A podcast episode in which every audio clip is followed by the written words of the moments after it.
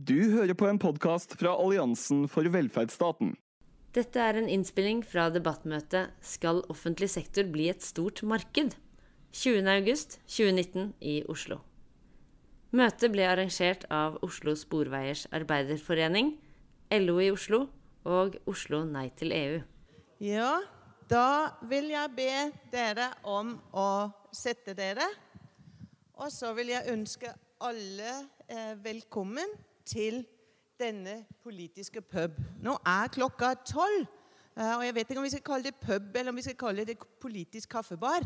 Men jeg håper i hvert fall dere har funnet dere kaffe og te og vann og hva dere må ha. Og eh, for øvrig så får dere gjøre som dere vil med det.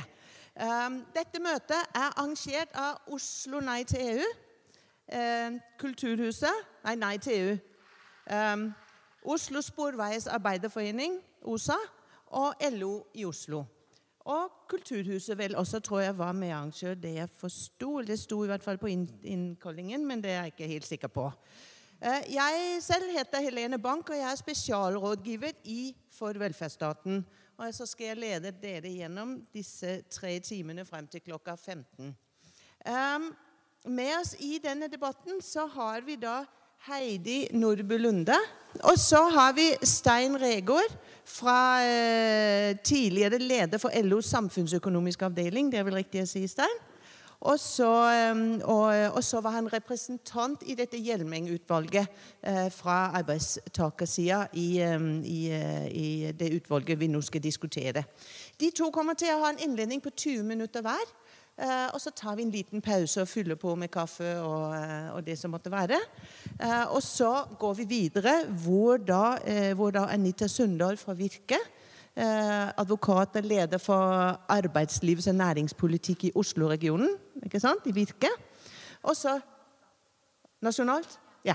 Og så Hemming Olaussen, som er da fra sitter i sentralstyret i SV og leder SVs eh, EØS-EU-utvalg og var tidligere leder i Nei til EU. Eh, Deretter blir det debatt i panel og spørsmål fra dere. Det som bare som en liten introduksjon før vi, eh, før vi slipper til, og nå kan vi jo vente litt på, på Heidi òg, så har jeg tenkt at jeg skal si litt grunnen for dette møtet. Fordi overvåkingsorganet ESA, som er EØS- eller EFTA-EØS-avtalens overvåkingsorgan inn mot EFTA-landene, de mener at skattefritak og konkursforbud i offentlig sektor eh, fordeler eh, gir fordeler til offentlig sektor i konkurranse med private aktører. Og Det regjeringsoppnevnte Hjelmeng-utvalget har foreslått at det skal innføre egne regnskap og skatteplikt for såkalt økonomisk aktivitet i kommunene. Og at det skal drives på markedsmessige vilkår. Det betyr at bruk av svømmehall eh, med, med betaling ved siden av disse andre tingene, skolefritidsordning, kino, kulturskole, kantinedrift, gravstell, som er kommunale tjenester, kan bli dyrere hvis man må organisere tjenestene på en annen måte for å legge til rette for konkurranse. Eh, skriver arrangørene i, eh, i innkallingen.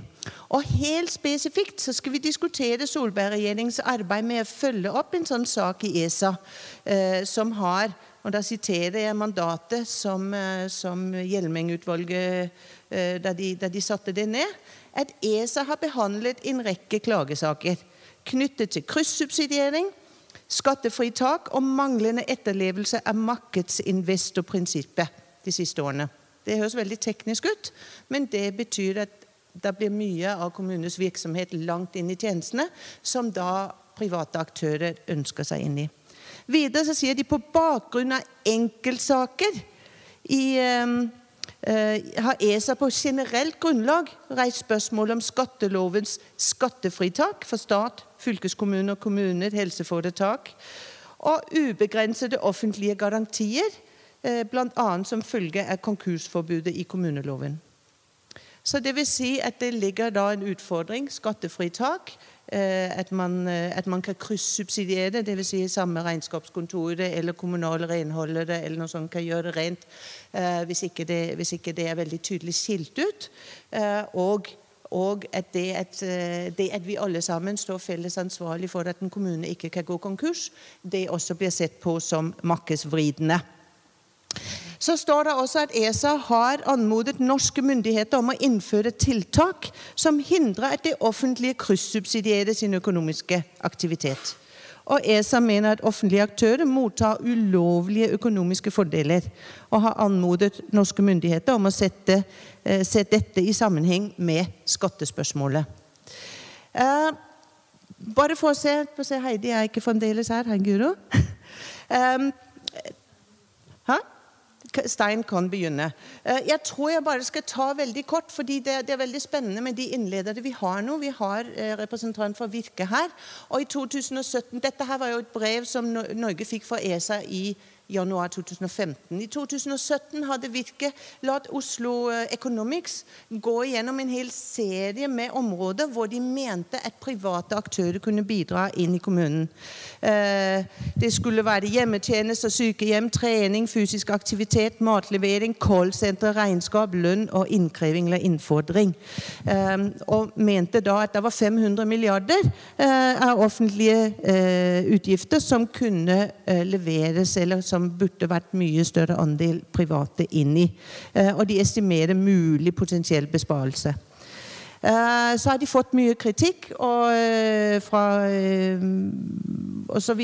Men Røe Isaksen har nå satt jo ned dette Hjelmeng-utvalget, som nå foreløpig er lagt eh, lagt på is, mens de har bedt samme Oslo Economics som lagde Virke-rapporten, om å beregne økonomiske konsekvenser av Hjelmeng-rapportens eh, utvalg.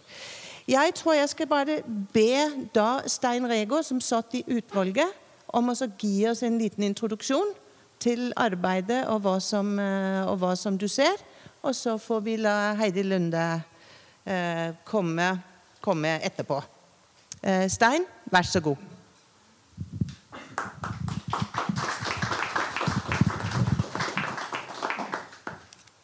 Ja, eh, ja, takk for eh, invitasjon og introduksjon. Nå hadde jeg basert meg på at uh, Heidi skulle gi meg i og for seg momenter å prate ut fra. Så nå er jeg da ganske tomhendt. Nei da.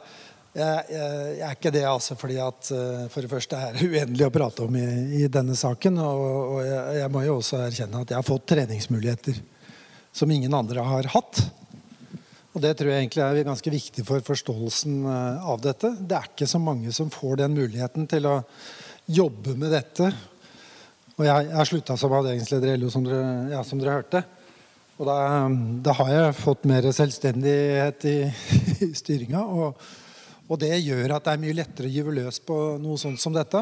Som liksom ikke er uh, ren plikt, men, men, også litt utfordrende for å prøve å forstå hva som foregår.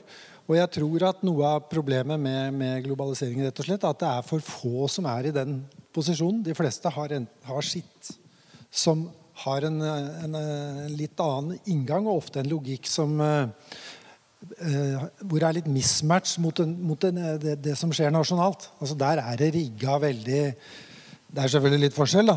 Men sånn at det er, uh, det det er satt opp med en logikk som gir ganske mye kvalitetssikring. Men når det blir overnasjonalt, så er det ikke så lett å ha den i behold. Og stikkordet på det er jo egentlig at overnasjonalitet styres gjennom regler. Mens politikk ellers det styres gjennom en kombinasjon da, av offentlige penger, eh, eh, forhandlingsmakt eh, og institusjonsbygging, da.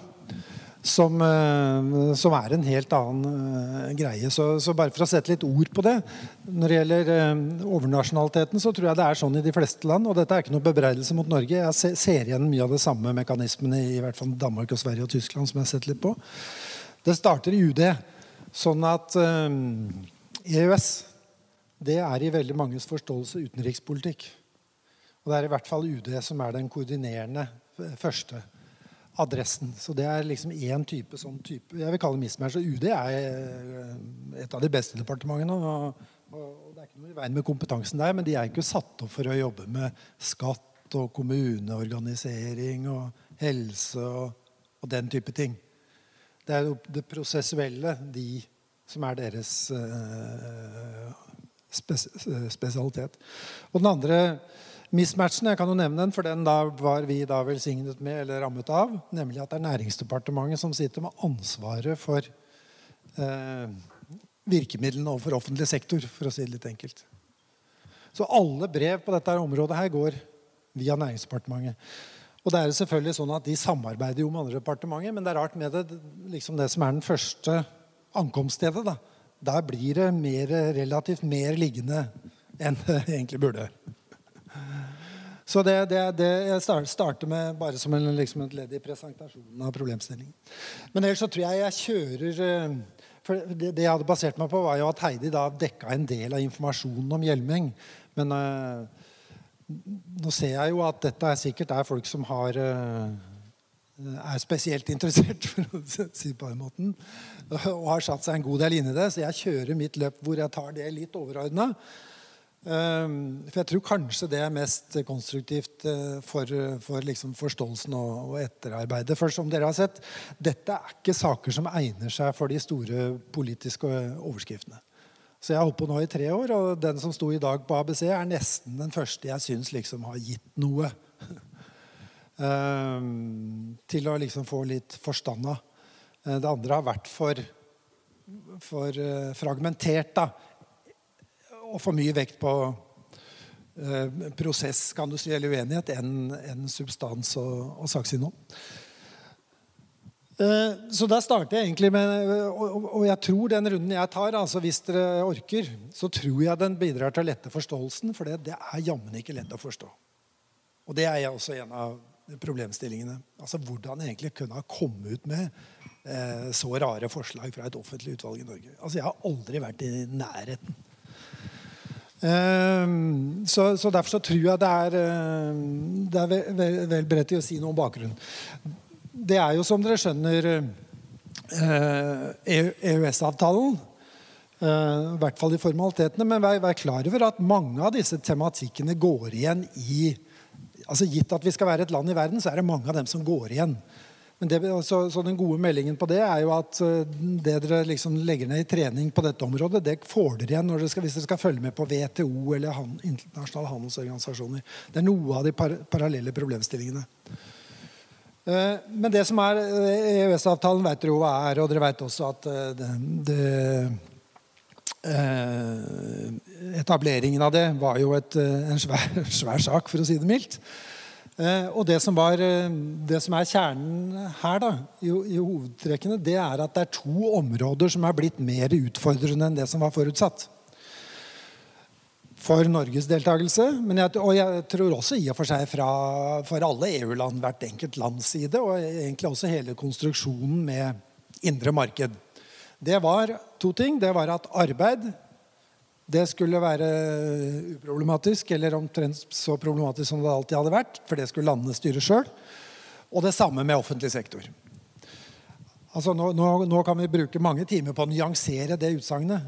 Men, men jeg, jeg, jeg, bare anbefaler det som en bra forståelse. På offentlig sektor og på arbeid har de store eh, overraskelsene kommet. da, hvis en kan kalle det. Dette er helt i samsvar med hva Seierstad-utvalget sier i den Europautredningen.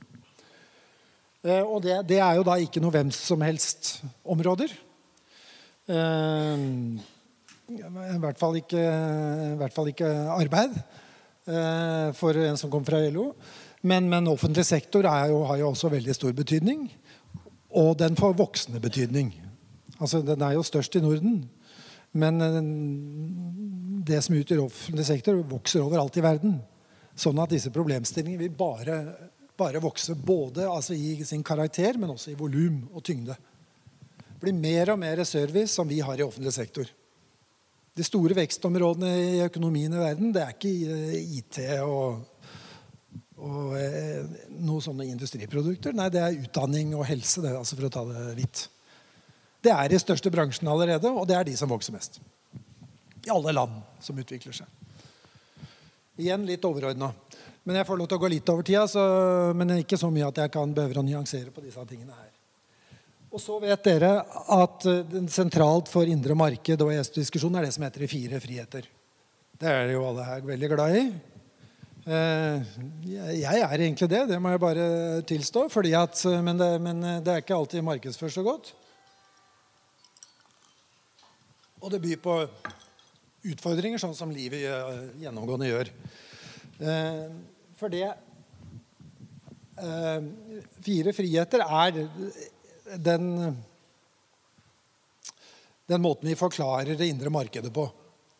Og det henspeiler på det som har vært hovedambisjonen for både EU og EØS og det indre marked. Det er jo å lage mer fellesskap i den store økonomien som vi er avhengig av for å utvikle den levestandarden vi har. Altså For å komme på det nivået vi har, så må vi ha en svær økonomi å, å, å breie oss på og være del av. Uh, og selv om uh, mange har hatt andre begrunnelser eller engasjementer i forbindelse med EU som har med samarbeid og med på den kanalen, så er det likevel økonomi og det indre marked som er den viktigste mekanismen og i og for seg det vi påvirkes av mest. Eh, og da, De fire frihetene det er da handel med varer. Og det var vi godt i gang med allerede. Ja, Vi har vært i mange hundre år, kanskje. Men det særlig dreis på frihandel ble det jo på 50- og 60-tallet gjennom det som ble EU etter hvert, og EFTA, som vi var medlem av. Da ble det fri flyt av varer, eh, med noen unntak. Og det neste var kapital, fordi at kapital er så nær knytta til det å drive industri og, og, sånn at det fulgte i litt ulikt tempo i verden eh, med på lasset, og i Norge gjennomført på 80-tallet. Da ble det fri flyt av kapital. Så det betyr at vi kan bruke svenske banker eller uh, belgiske banker eller sånn. Fram til slutten av 80-tallet så kunne jo ikke vi det i Norge, som var sent ute med å avvikle reguleringene på kapital. Og det samme da med investeringer og eiendom. Det ble fri kapitalbevegelse, for å si det litt enkelt. Og så De to som da har kommet gjennom det, det indre marked, er da arbeid, som jeg ikke skal si så veldig mye om i dag, for det er ikke Hjelmengs område. Og det, er ganske, det har jo vært godt representert i debatten. Mye bedre enn Hjelmeng-stoffet. Dere vet Vi har diskutert allmenngjøring og uh, utleie direktivet. det er den type problematikk knytta til, til, det overnasjonale. Eh, men som jeg kommer tilbake til, det er en viktig link mellom tjenester og arbeid. Og den fjerde ja, og det var rett og slett at det ble felles arbeidsmarked ganske brått. Med noen overgangsordninger og den store skiftet som Norge merka, kom jo gjennom østutvidelsen. Og Øst-Europas arbeidsmarked ble felles med, med, med vårt. Eh, så det, så, men så er det tjenester. Og det er en veldig mangslungen gruppe som ikke lar seg så lett sånn beskrive. Eh, for det er alt fra stort og smått. Altså det er fra de store finanstjenestene. Det er vel de vi kan forestille oss som de store. Skipsfart som en veldig gammel en, og kanskje også stor. Det er en transporttjeneste. De frakter ute. Altså det er det som er eksporten. Hvis vi frakter i Norge, så er det ikke uh, eksport. Men hvis et norsk skip frakter mellom to utland, så er det i hvert fall eksport. Og hvis vi frakter fra Norge til et, et annet land, så er det kanskje halv eksport. For da er det noen som ute som betaler for den. Og så er det alt til, til, de, til, de, til, de, nære småting, som å klippe håret eller gå til tannlegen. Eh, Eh, få en advokat til å hjelpe seg. Det er en tjeneste, eller det er ulike typer tjenester. Og så har det de jeg nevnte. Helse og undervisning. Det er jo de største. Og som dere hører, så er det jo veldig ulik grad av overnasjonalitet eller grensekryssende på dette i utgangspunktet. Det som alltid har vært grensekryssende, er jo selvfølgelig skipsfarten. Som alltid har vært en eksportnæring i, stor eksportnæring i, i, i, Norge. Og så er vel kanskje også en av de som er raskest voksne og prates mye om, det er da det som har med IT og den type kommunikasjon å gjøre. altså Som går uten at noe flyttes. Altså Vi kan sitte her og eksportere tjenester. Men hvis vi skal eksportere eh, tjenester fra andre typer bedrifter, så må enten folk komme hit, eller vi må dra dit. Kundene, altså. Men Jeg går ikke så veldig mye inn på dette, men tjenester det må dere bare huske, det er en kjerneforståelse.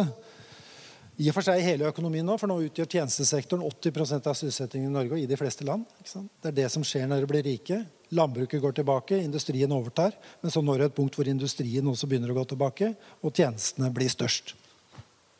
Hos oss er det på 80, og framskrivingen til 2050 er det 90. Og sånn er det i alle land som blir rike. Om det er kommunister eller kapitalister eller hva det er. Det er en del av velstandsutviklingen å flytte folk fra landbruk til først industri og så service. Kina er jo midt oppi den første. ikke sant? Flytte fra landbruk til, til, til industri. Og det, det, går jo så fort der at det er masse tjenester. Selvfølgelig også. Eh, men det som da er eh, det ellers sentrale med tjenester, at i tillegg til at den er størst og mest voksende, det er at den inkluderer offentlig sektor. Sær, men veldig ulikt fra land til land. Så sånn røftlig kan du si at land på vårt nivå kan ha en offentlig sektor som er halvparten av vår. Det som det er i Norden da, gjennomgående. Men, eh, men eh, det er bare eh, sånn i hvilken regi det er. Så for å ta ytterpunktene her, da. Helsevesenet er jo mye mer privat, og kanskje privatdominert i USA. Mye mer i Storbritannia. Og det samme med undervisning. Men veksten er omtrent det samme parallelt i disse landene. Og så er det sånn at det er ikke rendyrka og dette har med Hjelmeng å gjøre. Det er ikke rendyrka at det er ren stat. Altså Norge er jo staten den mest rendyrka, f.eks. på skoleområdet, for vi har så lite privatskoler og lite privat helsevesen. Bøker lenger enn til Sverige, som dere vet, at det har blitt mye mer komplisert på skole. Eh, men til og med på helse er det litt mer komplisert, selv i de nordiske landene. Og i noen land er det privat dominert. Og så er det mellomformer, sånn som i Tyskland. Hvor jeg vil si at kanskje det som foregår på helse, er omtrent som i Norge. Altså like solidarisk eller om, inkluderende eller altomfattende. Men det kalles likevel privat sektor. Fordi det ikke er staten som driver det, men det er mer sånn samarbeid. Det kan være samarbeid mellom stater og kommuner, men mye mer non-profit og den type ting. Det samme har du på et uh, som jo er en stor del av tjenestesektoren, og i hvert fall tjenestepengene. Også i Norge, der mest rendyrka stat. Altså Nav har hele greia, du, men du skal ikke lenger til Sverige før veldig mye mer er i finansbransjen. Men igjen litt sånn kollektivt. Altså, så det, det, kan være fagbevegelsen som eier, men det er likevel mer i, det, det er i privat sektor. Eller i markedet mer. Og den logikken. Så, og, og så det siste som er veldig viktig med offentlig sektor, og som da toucher inn på som jeg sa, arbeid, det er at utleie av arbeidskraft er definert som tjenester. Det er derfor det er så vanskelig med fri flyt. Og dette kjenner vi i og for seg fra statistikkproblemet. For da er det sånn at sysselsettingen altså når, når en snekker er leid ut, så blir den ikke ført i bygning i nasjonalregnskap eller noe annen statistikk. Han er i tjenesteytende sektor. Og det samme, samme hva han gjør, så blir han ført på tjenester, nemlig det som heter arbeidskrafttjenester, eller litt, litt forskjellige begreper. Men den statistikkproblematikken da, den er overført da, til den juridiske. Og det, er, det bør ikke være noe gærent i det. det, er, det er, ikke sant? Vi skal ha en forestilling, og da har vi vært i tvil om hva vi skal, hvor vi skal plassere den. Og i litt ulike logikker.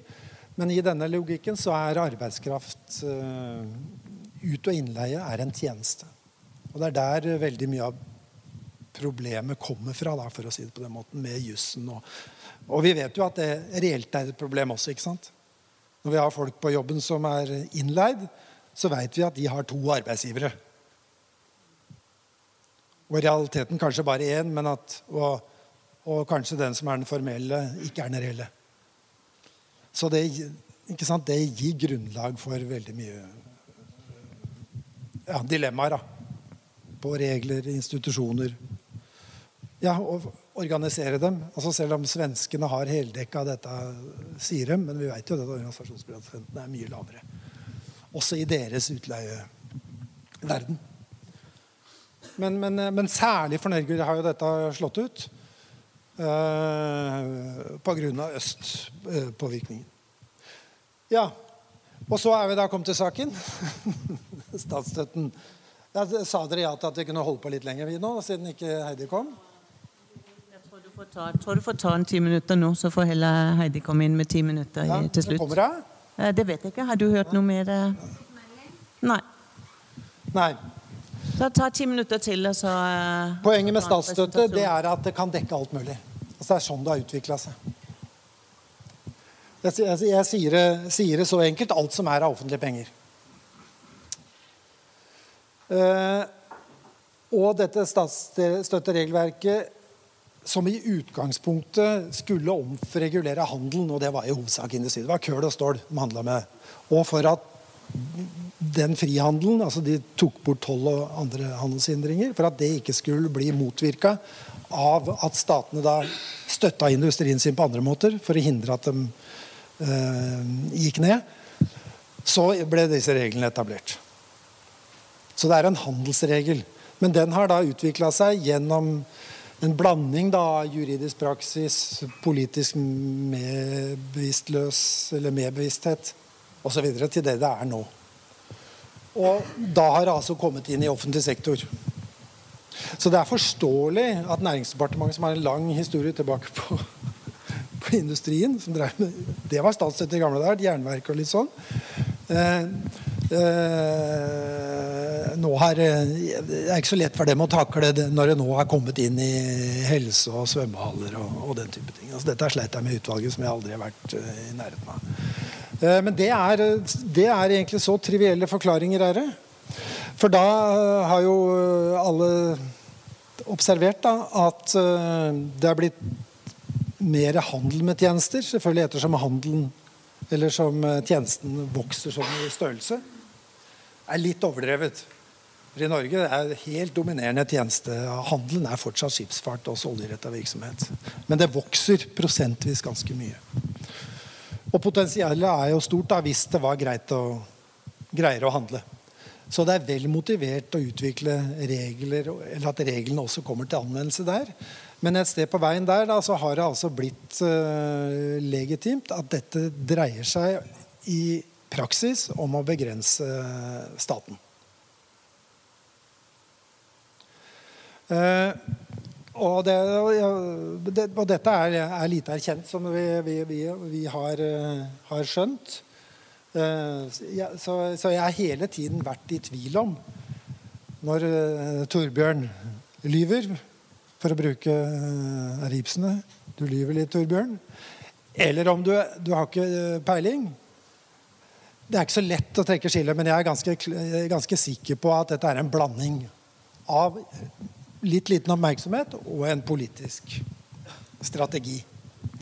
For det passer jo selvfølgelig veldig godt med programformuleringene om at vi skal ha mer eh, privat i tjenestesektoren, og den er jo da i veldig stor grad eh, besatt av, eh, av offentlig sektor, så det er helt opplagt at den konkurranseflaten kommer. Enten du nå ser på den politisk eller i praksis. Og i praksis kommer den også fordi det er blitt mer flytende overganger, og både offentlig sektor og privat sektor er blitt mer mangfoldige og allsidige. Så det er helt forståelig at problemstillingen kommer opp. Men, men i den prosessen så er det blitt altså en veldig overvekt eh, i retning av at det er eh, det offentlige sektor skal, som skal begrenses. Og Derfor har altså sneket seg inn forståelser eh, som er ganske utbredt. Det er at statsstøtte er forbudt som hovedregel. Men det er bare tull. I den opprinnelige regelen som fortsatt gjelder, den er akkurat identisk fra den som de brukte på 50-tallet. Der står det at offentlig støtte er forbudt i den utstrekning det påvirker samhandelen. Og det er klart For økonomer som skriver det, så tenker man ikke da på lokale svømmehaller. Det har ingen fornuftig mening. Men sånn har det utviklet seg. altså Det har blitt et redskap for å begrense stat og kommune, øke spillerommet for tjenestesektoren. Og det er godt forståelig at Virke og andre er opptatt av det. Eh, For det ville gi dem eh, markeder. Det kan vi kanskje få høre mer om etterpå. Så det er, det er, fullt forståelig. Og det er også behov for liksom å forstå dette og, regler og så, videre. Men den, på den veien så er balansen tippa fullstendig. Eh, Sånn at, eh, men det som er lyspunktet, da, det er at EU har jo snudd. For de var da med på dette.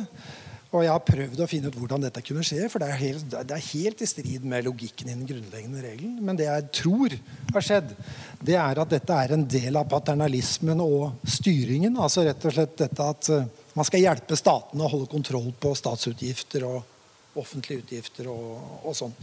Altså det, det, for det jeg ofte hører, særlig blant i økonomkretsen, ja, men du skjønner, regjeringen klarer ikke dette. Og det har de jo helt rett i. Det er en haug av regjeringer i, i Europa som ikke klarer dette. Det er derfor det går i dass med Hellas og Italia og delvis Frankrike. Så, øh, og så skal, øh, skal EU være redningen. Da mer eller mindre selv, selvutnevnt, øh, men ikke bare. Så Derfor så har det utvikla seg en politisk aksept for dette. Jeg kan ikke forklare det på noen annen måte. Og det er litt det samme vi ser eh, her i landet. At Finansdepartementet har sittet så, med så mange flinke økonomer og latt dette utvikle seg. Det, type, det kan bare forklares med disiplineringshensynet. Som du også kan forstå, for har, det er ikke lett å være regjering i Norge heller og holde kontroll på, på budsjettene. Og så er det en nøkkel som dere oppdaga her i Kommunal Rapport i løpet av sommeren. Det er momsrefusjonen. Det er en driver som får Finansdepartementet på laget til denne eh, logikken, som har tatt feil veier. Jeg skal ikke gå inn i teknikaliteten i dette, men bare henvise til, eh, til, eh, til denne oversikten over svømmehaller, som nå har fått krav på å betale tilbake en del av momsrefusjonen fordi de har vært for mye i markedet etter denne logikken. Altså Det har blitt for mye kunder, selv om de er bygd og kanskje i hovedsak drives av brukes av um, idrettslag og skoler, så er det jo mange som tar betalt. Og da er du inne i det grenselandet hvor det da har vært en driver for at da skal de ut i markedet. Og i hvert fall eh, eh, innføre skatt og korrigeres for den fordelen de har med, med konkursgarantien. Så Det er det ene eh, vedlegget jeg anbefaler. Kommunal rapport. Jeg kan eh, skaffe dere det. Den andre er dette brevet fra Finnmarkshallen, som var der, gjorde at jeg fikk litt eh, oppmerksomhet i Arendal. Jeg har det her. Det er bare halvannen side. Så jeg anbefaler for de som vil sette seg inn i dette. For det, det endte jo godt ved at ESA, som er de som skal påse at dette regelverket virker i Norge, ikke gjorde noe da. De, liksom, de skjønte at det var for dumt. De skjønte hvor langt det er til Alta. Men det står at det er basert på den nåværende utleievirksomheten. Så hvis de leier ut mye mer, så kan saken komme i en annen stilling. Og det står at de skal overvåkes nøye. Overvåkes er muligens hakket sterkere enn begrepet monitor. Det er det som brukes da. Men, men logikken er da at alle offentlige tiltak av noe betydning skal monitoreres, er det så da sier på fornorsking. Det er det som Ikke sant? Og dette begynner folk å skjønne er helt ko-ko. Oppdager jeg.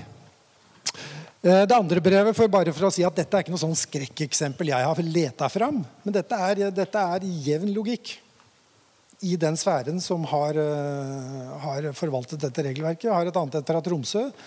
Der gikk saken litt lenger, så der måtte jeg bruke nesten 400 000 på en advokat, som da skrev og fikk det samme konklusjonene, kan du si. da. Eh, Men det er klart, dette sånn kan ikke holde på hvis du liksom skal ha godfølelse for EØS-avtalen og, og det, det internasjonale samarbeidet. Da kan ikke drive med sånn tull som er så, så irriterende. Det, det som bærer det, er at det er veldig få som er klar over det. Så de færreste kommunene bryr seg jo ikke om dette. De er ikke klar over det. Men, eh, men de som kommer borti det, der er det, har jeg bare sett at politikken bare blir veldig, veldig irritert og føler at de orker ikke å gå inn i det og ta, ta kampen. Men de, de vet om det. De.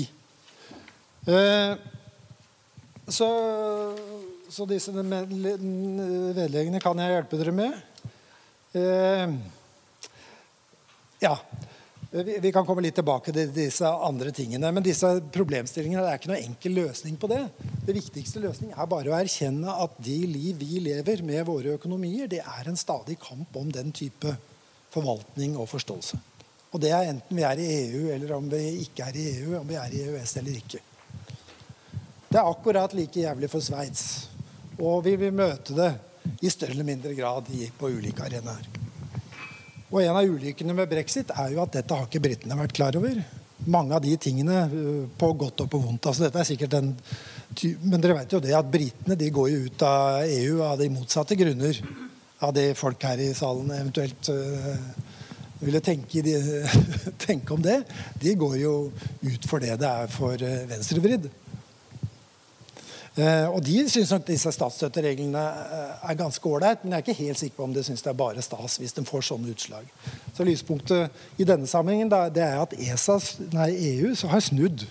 Mens ESA og Næringsdepartementet bare har kjørt videre. Og, og, og så dro Hjelmeng-utvalget dette til helt, helt nye høyder.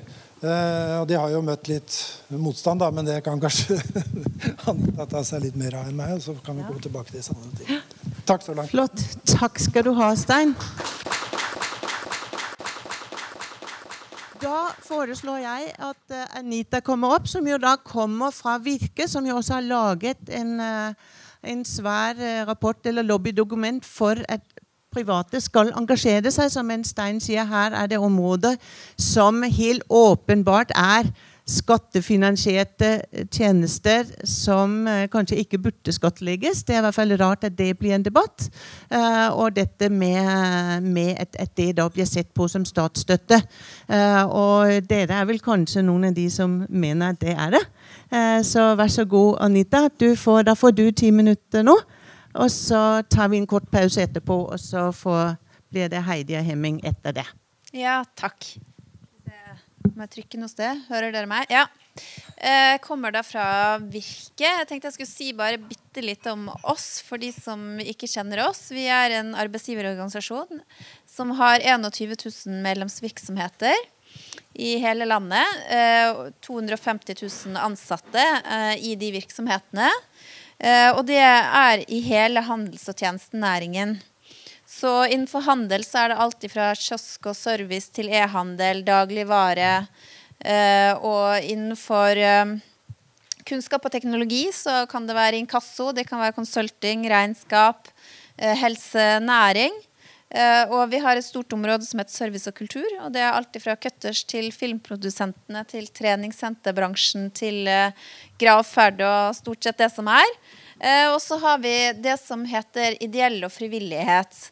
Eh, og mange av våre helse- og sosialvirksomheter er organisert i eh, ideell og frivillig sektor. Så det kan jo være sånt, et moment, et bakgrunnsmoment i forhold til at vi eventuelt diskuterer litt helse og sosiale tjenester etter hvert. Eh, nå ga jo Stein eh, litt sånn bakgrunn her. Det er riktig det at åtte av ti eh, er ansatt i tjenestenæringen, og at det, prognosen er at det blir ni av ti i løpet av ikke så veldig mange år. Eh, men det er jo viktig også å huske på, selv om det er en del av en velferdsutvikling, at dette er jo næringer som står overfor store omstillinger hver eneste dag, med globalisering, digitalisering. Eh, og som disse virksomhetene jobber veldig hardt for å klare å møte. Um, og det som uh, du ikke sa noe om, er jo hvor store disse virksomhetene er. Og vi har ca. 200 000 virksomheter i Norge med ansatte. Uh, og av de så er halvparten, har halvparten bare én til fire ansatte. De neste 20 prosentene har fem til ni. Og så er de neste 15 har uh, 10 til 19. Det betyr at 8, eh, ja, 85% av norske virksomheter er SMB, men halvparten har bare 1 til 4. Det er det typiske norske næringslivet. Eh, og når vi sier at 8 av 10 jobber i tjenestenæringen, så er det sånn at halvparten av de sysselsatte jobber i privat tjenestenæring. Dvs. Si private jobber. Um, og resten er jo da offentlig. Uh, og det kommer betydelige skatteinntekter fra uh, denne delen av næringslivet. Ny Analyse har gjort en, uh, en, beregning som viser at det kommer inn over 300 milliarder skattekroner, som tilsvarer en fjerdedel av utgiftene på statsbudsjettet fra tjenestenæringen. Og det tror jeg de fleste kan være enig i at det er skattekroner det hadde vært vanskelig å skulle klare seg uten. Uh, og det er helt riktig uh, at vi i Virke jobber for at uh, private skal få lov å være med å løse flere eh, offentlig finansierte oppgaver. Eh, og det gjelder egentlig langs hele spekteret. Og en del er jo ganske ukontroversielt, mens vi opplever at det kanskje spesielt er innenfor helsesektoren at det gjerne er politisk diskusjon om det er riktig at de eh, private skal få lov i hermetegn eh, å bidra. Eh, vi mener jo i tillegg til eh, at andelen som private får lov å drive med, bør øke, så mener vi også at det bør igangsettes årlige indikatorer på eh, den private andelen av tjenesteyting, både på statlig, regionalt og kommunalt nivå. Og det er fordi at vi vet relativt lite i dag.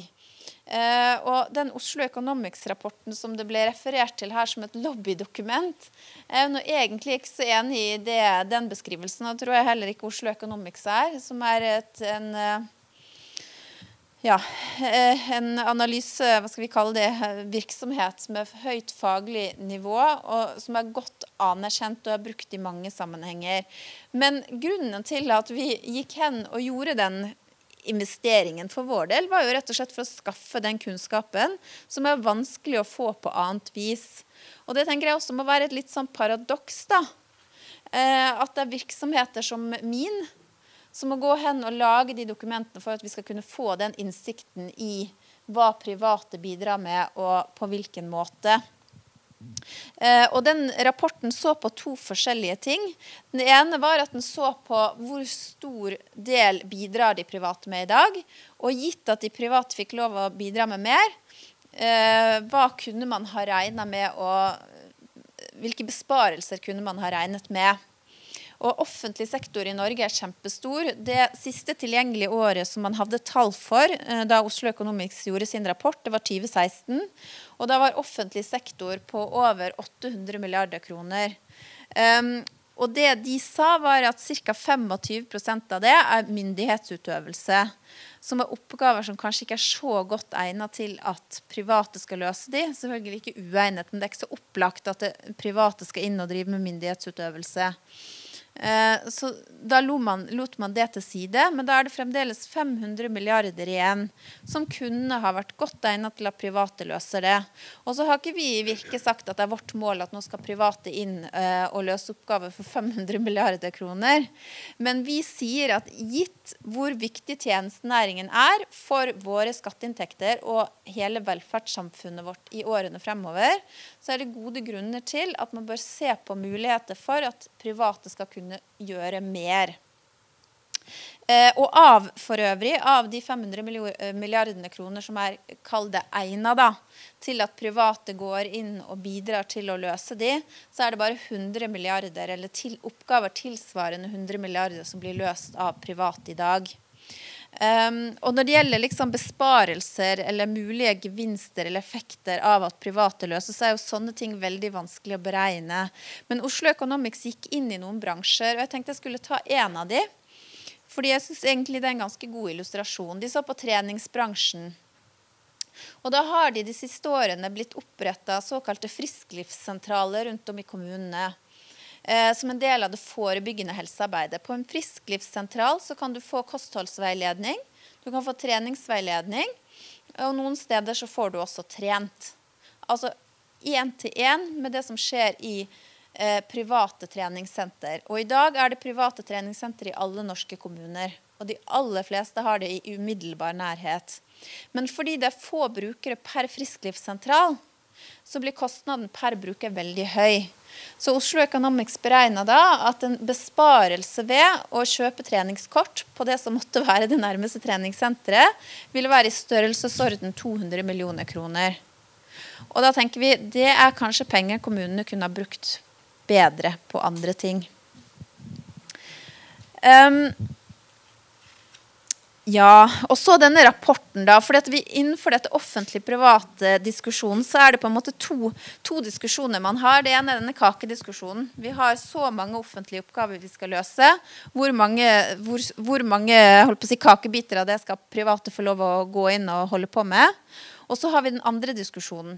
Hvis det offentlige først driver kommersiell virksomhet, og det er veldig viktig det, å holde fast ved at det er det vi snakker om, det er den kommersielle næringsvirksomheten som det offentlige driver, som det er snakk om i dette Hjelmeng-utvalget, så er det spørsmål på hvilke vilkår skal det offentlige drive den næringsvirksomheten. Og det er da jeg blir litt sånn, og vi i Virke har vært litt sånn oppgitt eh, både på KS og delvis også på LO og, og en del andre, fordi vi opplever eh, at man ikke akkurat da eh, bidrar til å opplyse debatten når man peker på kjerneoppgaver, myndighetsutøvelse, oppgaver midt i eh, det som er sånn skole, f.eks. SFO dras frem ofte. Uh, svømmebasseng dras frem ofte. Men det er jo ikke det her vi prøver å få en diskusjon. Det er ikke det det er snakk om. Uh, og dette med svømmehaller synes jeg er et veldig godt eksempel. For det er sånn at du kan gi statsstøtte til svømmehallen, men det er mange svømmehaller som bygger opp tilbud ved siden av treningssenter. Og det er disse kombohallene der treningssenteret da regnes som næringsvirksomhet, men svømmingen typisk ikke gjør det. At du må skille ut. Og det en del kommuner har måttet gjort, er jo da å finne seg måter å skille på prisen mellom svømmedelen og treningsdelen. Og så kan du si at det, ja, det er jo uleilig, og bør de det, osv. Men er det egentlig fornuftig å drive og subsidiere for vanlige folk. Nå snakker vi ikke om det som er i eh, studentsamskipnader f.eks. Eller eh, for barn. Men for voksne med god råd. At det offentlige skal subsidiere eh, trening og utkonkurrere et privat treningssenter. Jeg tror ganske mange, De stedene hvor dette har skjedd, så er det ganske mange som er med på å si at vet du hva, det er jo ikke fornuftig det at gründeren i vår kommune, som har holdt et treningssenter og bidratt til eh, arbeidsplasser og skatteinntekter i 10-15 år, skal utkonkurreres når kommunen åpner næringsvirksomhet tilstøtende noe som er eh, en tjeneste som det selvfølgelig er fullt lov å gi statsstøtte til. Um, og jeg syns også at beskrivelsen som eh, du ga stein knytta til disse forslagene i Hjelmung-utvalget også var litt sånn fortegnet. Fordi at På den ene side så sier du at dette løses i Brussel. Du har aldri hørt noe så dumt som at det løses i Brussel. Ja, men det er vi helt enig i. Det er jo derfor vi må ha norske regler på norsk og et norsk tilsynsorgan. Det må bli slutt på at vi må ha norske krangler i Brussel. De norske kranglene kan vi ta her. Og det er også sånn at Et av de viktige punktene som vi pekte på i det utvalget, var behovet for veiledning. Og Hvis man tar eh, et annet område ved siden av statsstøtte, man tar offentlige anskaffelser, så er det sånn at det er langt færre eh, krangler i hermetegn, hvis man skal bruke et litt sånn eh, ord, der enn det er innenfor statsstøtte. Og det er jo fordi at vi år etter år etter år har bygd opp en base av avgjørelser som er gitt etter norske forhold, som vil være lett å kjenne seg igjen i for en nabokommune eller et nabofylke som ligger i, i, blant avgjørelsene til klageorganet for offentlige anskaffelser. Det vil over tid Jeg skal snart avslutte, jeg må bare få svar ut en del av de tingene han tok. Eh, det vil man jo over tid også få hvis man får et norsk tilsynsorgan. Norske kommunale saksbehandlere vil slippe å sitte og lese avgjørelser på engelsk fra EU-kommisjonen og ESA og gjette seg til hvordan det skal overføres til en norsk kommune med 10 000 innbyggere hvis du får en base med et norsk regelverk. Og Hvis vi nå tenker oss at det, ok, men EU hadde ikke hatt noen regler om statsstøtte, de har ikke hatt noen regler om offentlige anskaffelser. Vi anskaffer for 500 milliarder årlig. Det er klart vi hadde hatt et norsk regelverk. Og på statsstøtte det er mulig at de organisasjonene som dere representerer, mottar statsstøtte. Og i alle fall gjør kanskje treningslaget til ungene det. Ikke sant? Eller kanskje for, mottar arbeidsplassen deres statsstøtte fra Innovasjon Norge eller hvem det måtte være. Klart vi måtte hatt et regelverk for det. Så det er jo ikke sant, Hvis vi tenker oss EU-regelverket borte, så hadde det ikke vært noe. Da hadde det vært fritt frem. Så jeg, jeg, tenker at Noe av det som vi prøvde å få til i det Hjelmeng-utvalget, er jo å peke på hvordan kunne dette se ut hvis vi skulle hatt det her hjemme.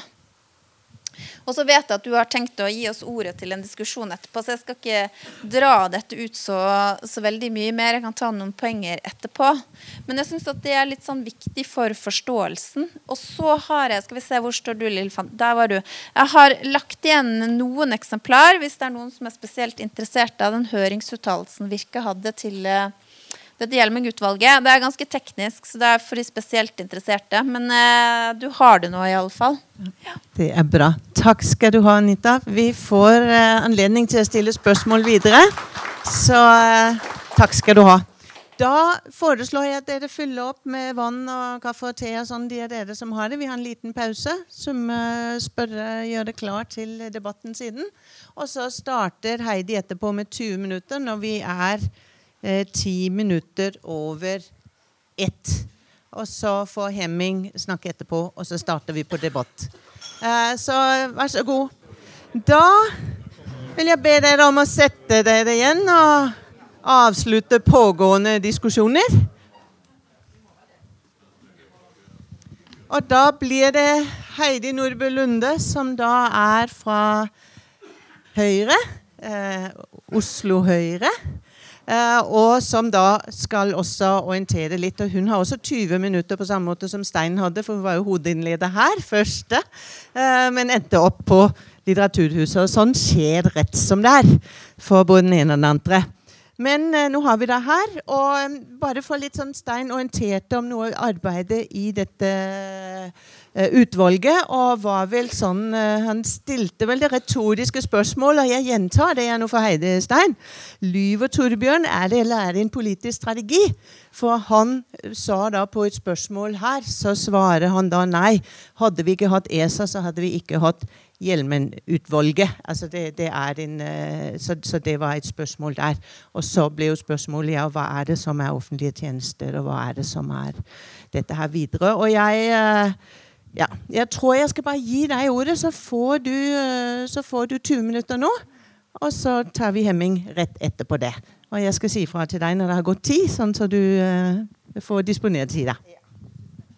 Tusen hjertelig takk, og tusen takk for invitasjonen. Jeg må bare si at I 70% av tilfellene så møter jeg riktig når jeg er invitert til Kulturhuset Litteraturhuset. Så, uh, men det er, det er, en veldig veldig uh, dårlig følelse å stå på Litteraturhuset og så lete etter hvilken etasje du skal i, og oppdage at det er ingen uh, av disse arrangementene du skal til. Og så hadde jeg i tillegg lagt mobilen hjemme, så jeg fikk ikke korrigert det og kommet til tidspunkt. Men tusen takk for at dere hadde tålmodighet.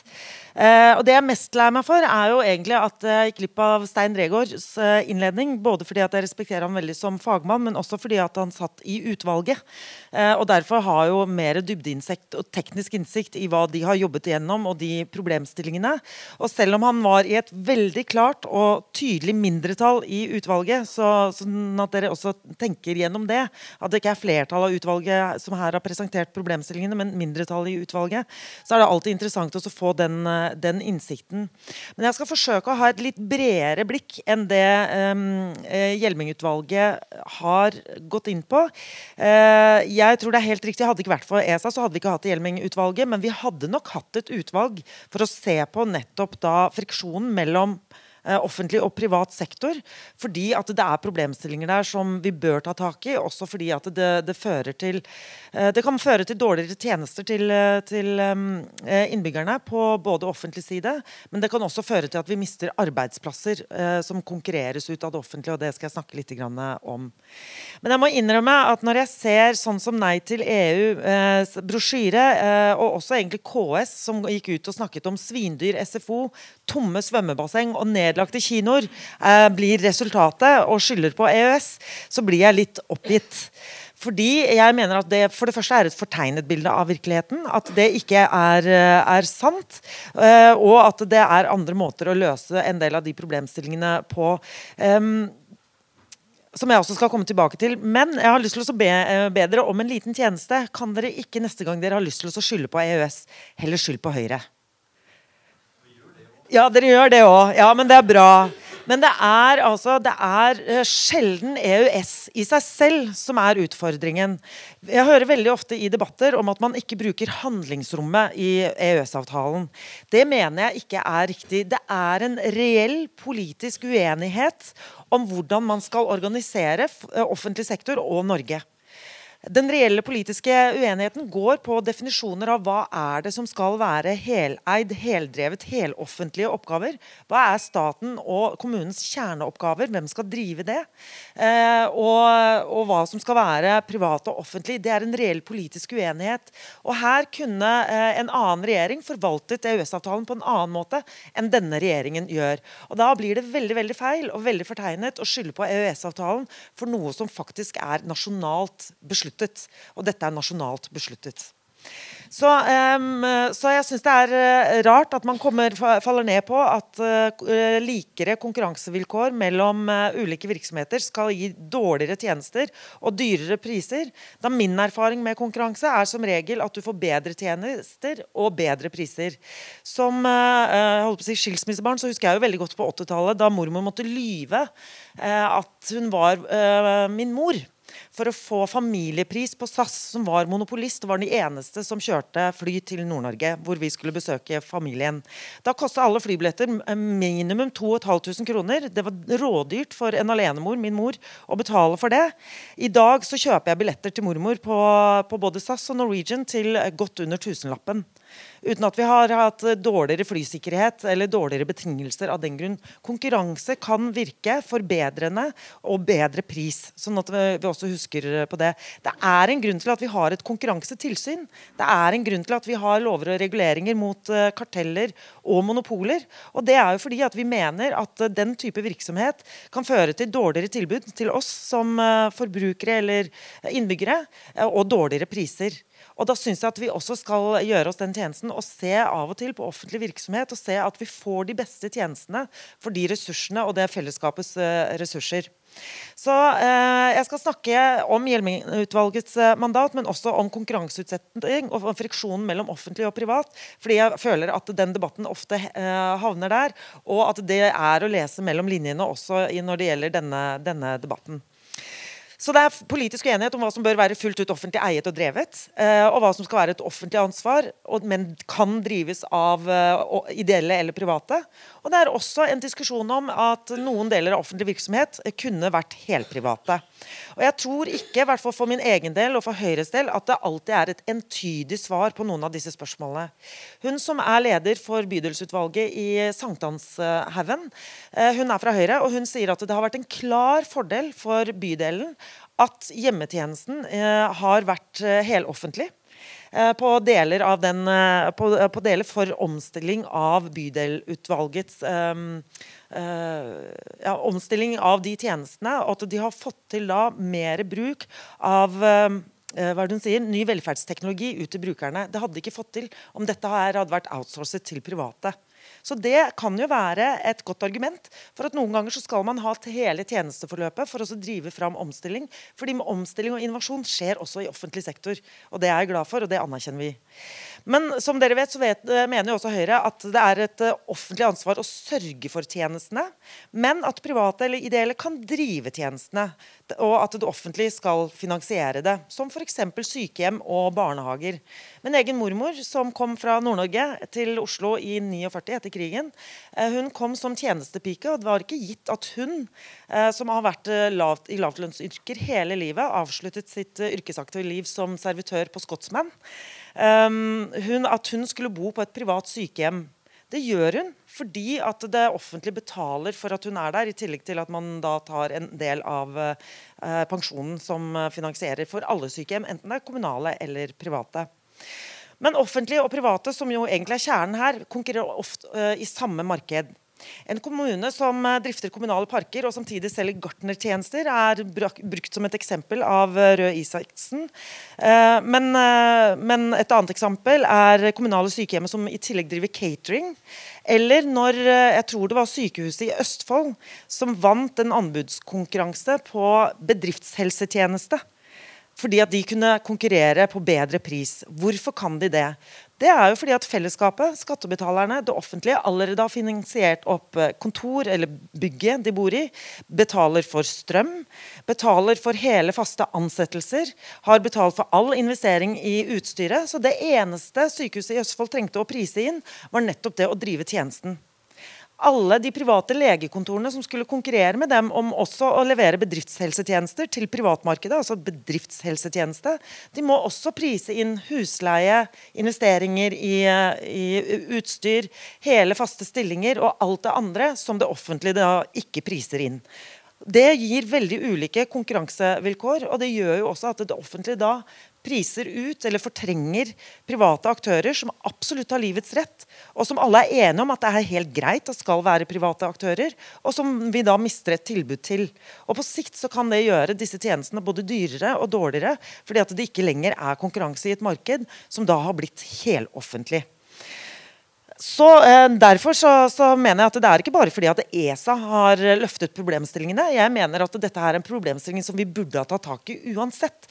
For å se på hvordan vi skal klare å, å, eh, finne ut av hvordan det offentlige skal være organisert. Hva er kjerneoppgavene? Hva skal man prioritere i offentlige budsjetter? Sånn at ikke det konkurrerer ut noe som kunne vært eh, helprivat, og som vi alle er enige om at det er helt greit at det er helt privat, som f.eks. et treningssenter.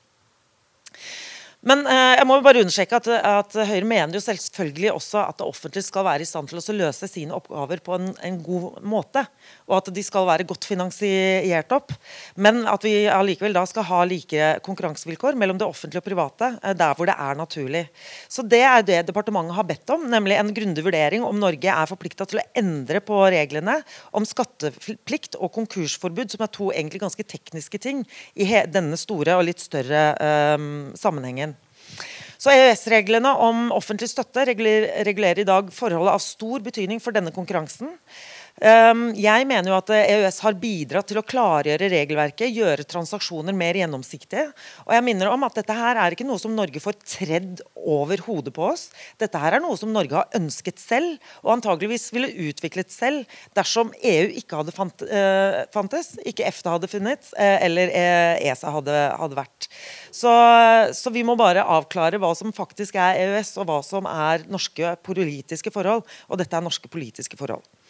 Så ESA har da behandlet mange klagesaker nettopp fordi at man ønsker en klargjøring av det uh, regelverket. Og Det er for staten, fylkeskommuner, kommuner. Det kan være helseforetak som f.eks. da uh, Sykehuset i Østfold, som konkurrerer ut bedriftsmarkedet til bedriftsmarkedet. Som jeg syns høres veldig veldig rart ut at de får lov til, og som det viser seg da at vi trenger bedre reguleringer på, og som vi da får via EØS-regelverket. Og Det mener jeg er en helt klar fordel. Og Så må det tolkes inn i, uh, i norske forhold. Og det gjør vi jo hele tiden. Så jeg hørte Anitas innledning med at vi skal ha dette på norsk, og det må jo eh, omtolkes til norske forhold. Men vi får altså av de, de, reguleringene som vi får Dette gjøres hele tiden i det norske embetsverket.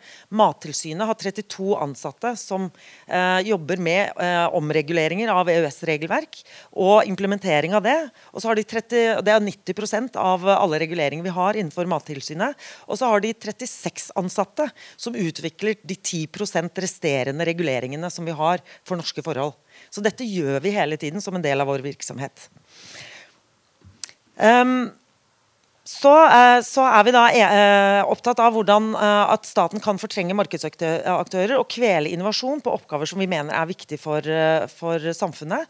Og Vi ønsker å se på hvordan kan vi sørge for at staten og offentlige er mer tydelige på hvilke oppgaver som er og bør være offentlige, og hvordan skal det offentlige prioritere og nettopp investere i disse oppgavene istedenfor alt annet. Så Jeg har vært innom sykehjem. altså Velferdsprofitørdebatten burde være kjent for, for de fleste en av de største debattene under denne valgkampen.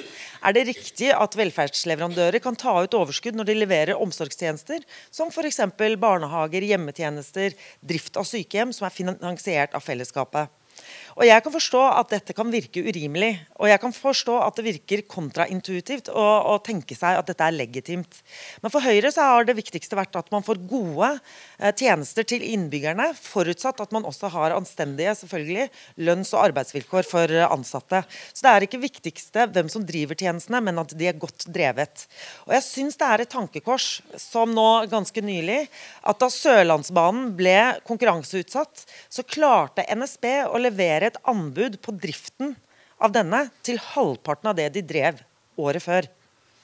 Og Da syns jeg det er legitimt å stille spørsmål ved hvordan klarer de det? Uten at de da har sparket ansatte eller gått ned eller blitt en brutalisert uh, arbeidsgiver. eller på noen ting. Noe er, det er noen signaler da, syns jeg, om at man ikke har drevet effektivt nok.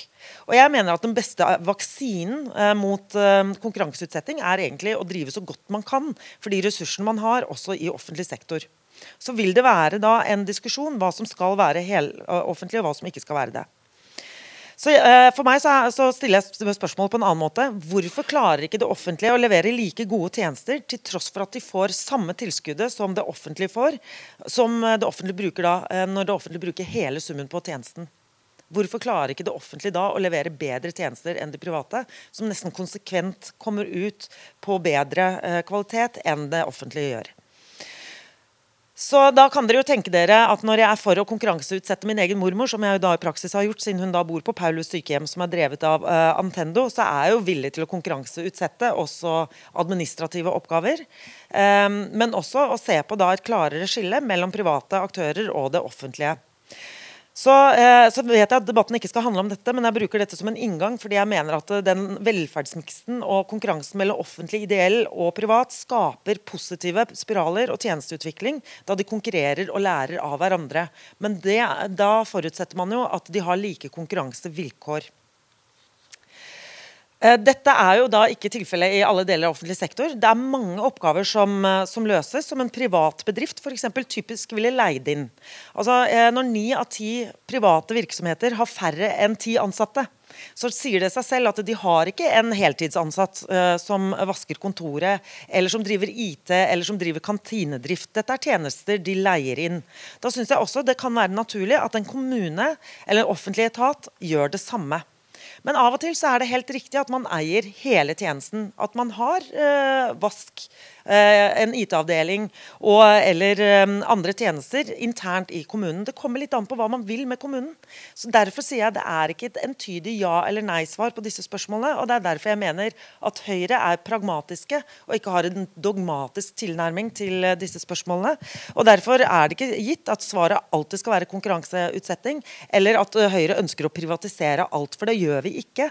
Det er opp til kommunen selv å definere hva er deres kjerneoppgaver, hva er det de trenger hjelp på. Og så mener vi at de private kan være gode leverandører inn til det offentlige. Og av og til så må vi se på da grenseoppgangen mellom offentlig og privat. Så Det handler ikke om å sette offentlig sektor ut på verken billigsalg, det handler ikke om å konkurrere på lønninger eller pensjoner. Det handler om å definere oppgavene bedre, noe som da dette utvalget skulle, eh, skulle bidra til. Å definere eh, og hjelpe oss å definere opp mot hverandre. Så det er reelle politiske uenigheter. Dette har ingenting med EØS-avtalen uh, å gjøre så langt. Dette har noe med politiske, ulike politiske viljer, dogmer og ideologier, hvor jeg selvfølgelig mener at Høyre har den beste. Jeg er klar over at det er uenighet om dette i salen. Um, men det handler jo om best mulig tjenester ut til innbyggerne, og det tror jeg vi er enige om uansett hvor vi står hen på den politiske skalaen. Også de som mener at uh, alt skal være heloffentlig, ønsker jo at de tjenestene skal være så gode som mulig til best mulig ressursbruk. Det skjønner også jeg, men jeg mener at det sjelden er mulig å få uten at du har en form for konkurranse, fordi offentlig sektor ikke er konkurranseutsatt. Men når offentlig sektor da konkurrerer med privat, så kan det gå, gå galt. Så eh, er dette en vanskelig debatt. Det handler jo om, eh, om mennesker. De som blir konkurranseutsatt. og vi, vi, I Høyre så snakker vi veldig ofte om at vi skal frigjøre ressurser. Men hva om du er den ressursen som skal bli frigjort? Det er ikke gitt at du som ansatt synes at det er en frigjøringskamp å bli konkurranseutsatt. Og Jeg har også vært en frigjort ressurs i all den tid jeg jobbet i HP, da HP eh, og Compax eh, slo seg sammen. Og mange av stillingene internt hos oss ble eh, overflødige, og jeg var en av de. Jeg følte meg ikke frigjort da jeg gikk på Nav for å få arbeidsledighetstrygd. Eh, og det er, må vi også anerkjenne, at all omstilling all konkurranseutsetting det handler også om mennesker. Og Det er klart at det vil være vondt og vanskelig for de som føler at de blir eh, konkurranseutsatt. At de nå skal eh, faktisk da konkurrere med sin arbeidsplass om da denne frigjøringen. Men private bedrifter har hele tiden fokus på kostnader. De klarer å omstille seg. De gjør ikke alltid offentlig sektor. Så, um, ser vi at uh, små bedrifter de omstiller seg litt hver dag. Offentlig sektor har ikke det samme insentivet. og Det er derfor vi mener at uh, offentlig sektor har sunt av, uh, og deler av offentlig sektor har sunt av å bli konkurranseutsatt. Så Når det offentlige tilbyr tjenester i konkurranse med private aktører, så kan det offentlige ha enkelte fordeler. De, er allerede, de har en trygg finansiering. Ingen private aktører kan plutselig da innføre f.eks. eiendomsskatt for å slippe å omstille seg eller slippe å se på sin egen prising, hvordan de selv er organisert. Mens eh, det kan offentlig sektor. Så de har en helt annen inntektsstrøm enn de private. Og når da alt er forhåndsfinansiert, nemlig husleie, strøm, eh, antall ansatte, investeringer i teknologi, så er det klart at det er veldig lett for offentlig sektor å konkurrere ut de samme tjenestene som leveres av private, og som du, dere og jeg og venstresida og høyresida faktisk er enige om at kan leveres også privat. Og Det er det Hjelmeng-utvalget skulle se på, og det er det denne debatten handler om i dag.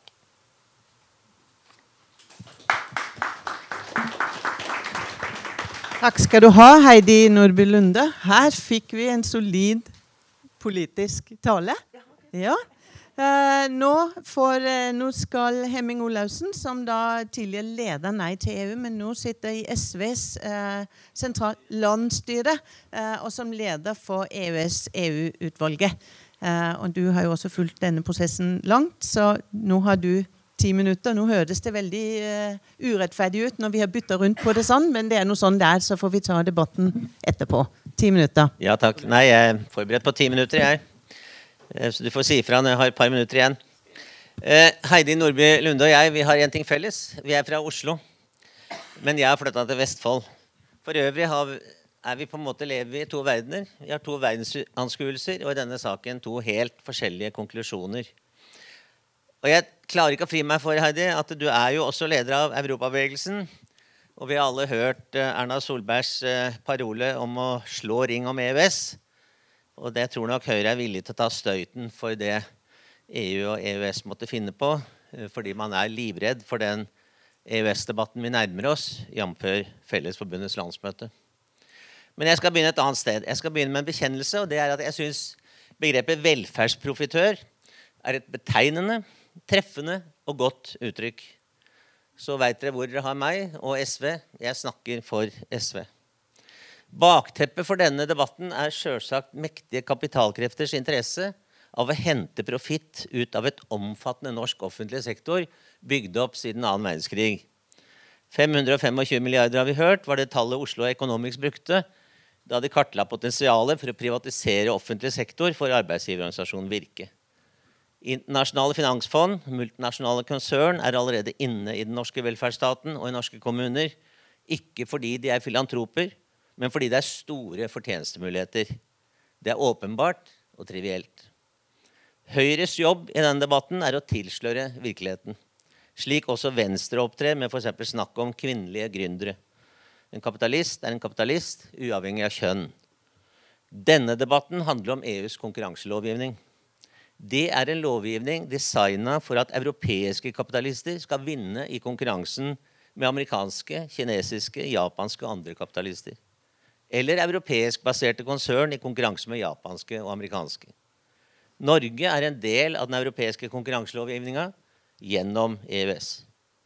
ESA er organet som, ifølge Trond Giske, opptrer mer katolsk enn paven i sin overvåking av om Norge til enhver tid og enhver sak retter seg etter EUs konkurranselover.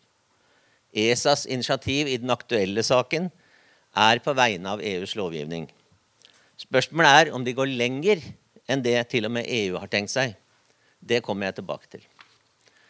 ESA stiller altså spørsmål ved om deler av offentlig kommunal sektor har urettferdig gode vilkår i såkalt konkurranse med private firma. ESA har ingen oppfatning om, eller av den norske modellen eller hvordan den norske velferdsstaten er bygd opp for å ivareta interessene til det norske folk. ESA er kun opptatt av konkurranse basert på EUs lovgivning. ESA mener altså at regjeringa må gå offentlig sektor etter i sømmene for å se om det ikke foregår konkurransevridning i offentlig sektors favør.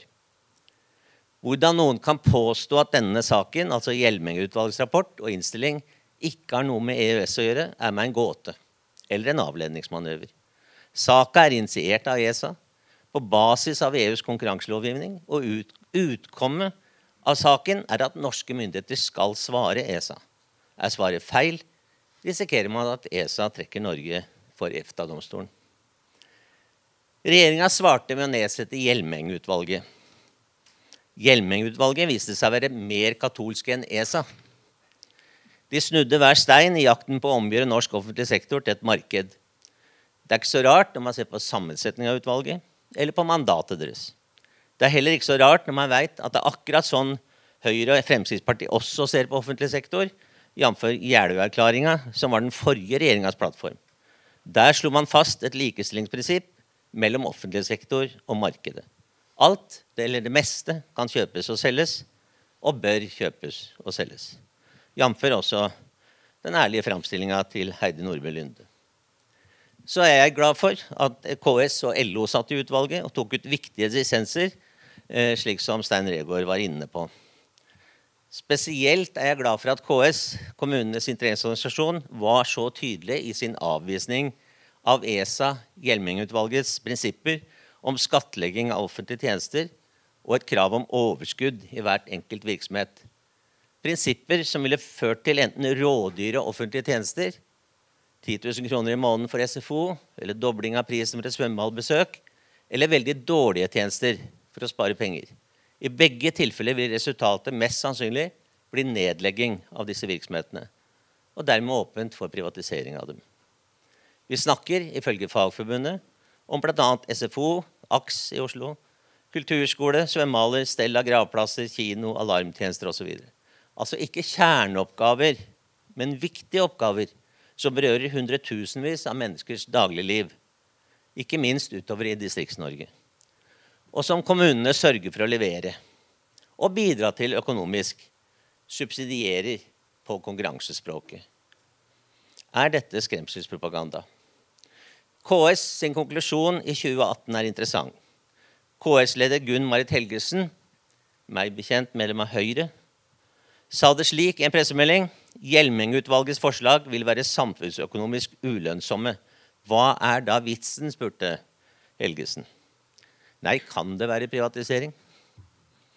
Da Hjelmeutvalgets innstilling forelå i 2018, gikk KS til det uvanlige skritt å nedsette et egen FoU-utvalg, altså forsknings- og utviklingsutvalg, bestående av topp jurister og økonomer. De to økonomiprofessorene Tommy Stahl Gabrielsen og Kjell Erik Lommerud fra Universitetet i Bergen, statsautorisert revisor Morten Tuve fra BDO AS og advokat Per Anders Bjørang, tidligere konkurransedirektør i ESA. Da statsråd Torbjørn Røe Isaksen prøvde seg med noen kvikke innlegg våren 2019 om at Hjelmeng-utvalget ikke kom til å berøre SFO, fikk han svar på tiltale fra KS. Det er nettopp det utvalgsinnstillinga vil gjøre når de legger et meget omfattende markedsaktørprinsipp til grunn for sin forståelse av kommunal sektor i Norge. SFO vil bli berørt, og prisen blir ca. 10 000 kroner i måneden per plass, sa KS. Da gikk alarmen i Høyres hus og i regjeringskontorene. Saka ble meget sensitiv for Høyre og måtte begraves til etter valget. KS gis rett i at de samfunnsøkonomiske konsekvensene av Hjelmeng-utvalgets vidtrekkende forslag ikke var godt nok utreda. Følgelig leide man inn et privat firma, selvsamme Oslo Economics, til å utrede konsekvensene av forslagene fra Hjelming-utvalget. Man har, ifølge statsråden, tre alternativer følge utvalgets forslag fullt ut, altså utsalg av en stor del av offentlig sektor. Eller man skal følge ESAs anbefaling om utskilling av disse offentlige tjenestene i egne selskaper med egne regnskap, krav til overskudd osv. En overgangsform til utsalg. Eller man kan avvise ESA. Og det er det siste man bør gjøre. Norsk offentlig sektor skal EU ligge langt unna. Det skal velferdsprofitørene ligge langt unna. Den skal styres av norske kommuner på grunnlag av norsk lov og regelverk. Det kommunale sjølstyret i Norge er grunnlovfesta. Det er ikke gitt verken EU, ESA, Virke eller Høyre å overprøve dette. Men Gud bedre som de prøver. Alt de kan. Tanken om at Høyre skal si nei til EU, ESA, er utenkelig. Høyre har aldri sagt nei til noe som helst som kommer fra EU. Hvor sannsynlig er det at de gjør det på denne saken, som handler om Høyres ideologi. Jeg er veldig glad for KS sin opptreden i denne saka. Jeg ser positivt på LOs og Fagforbundets engasjement. Jeg mener det finnes grunnlag for å danne breie allianser mot dette forsøket på utsalg av offentlig sektor etter salamimetoden, bit for bit. Sjøl om jeg og SV mener at dette sjølsagt har sin bakgrunn i EU, EØS og ESA, er det klart at selve Hjelmeng-utvalgets rapport er norske markedsliberalistiske økonomers katolske utskeielse. Utvalget har gått mye lenger enn det som kan direkte avledes av EUs konkurranselovgivning. Det foreligger ikke noe EU-direktiv i denne saka. Norske myndigheter har en viss frihetsgrad. Den må de bruke. Hjelmengen-innstillinga må rett og slett avvises. Det er det ESA må få beskjed om fra norske myndigheter. Det kravet må alle gode krefter kunne samles om, uavhengig av syn på EØS. Slike breie allianser er i ferd med å dannes lokalt. Siste uke i Larvik og Tønsberg. Med bl.a. Arbeiderpartiet, SV, Senterpartiet, Rødt, Fagforbundet og LO. Det bør danne modell for resten av landet og på nasjonalt nivå. Markedsideologenes forsøk på å omgjøre norsk offentlig sektor til et marked må avvises og om nødvendig nedkjempes.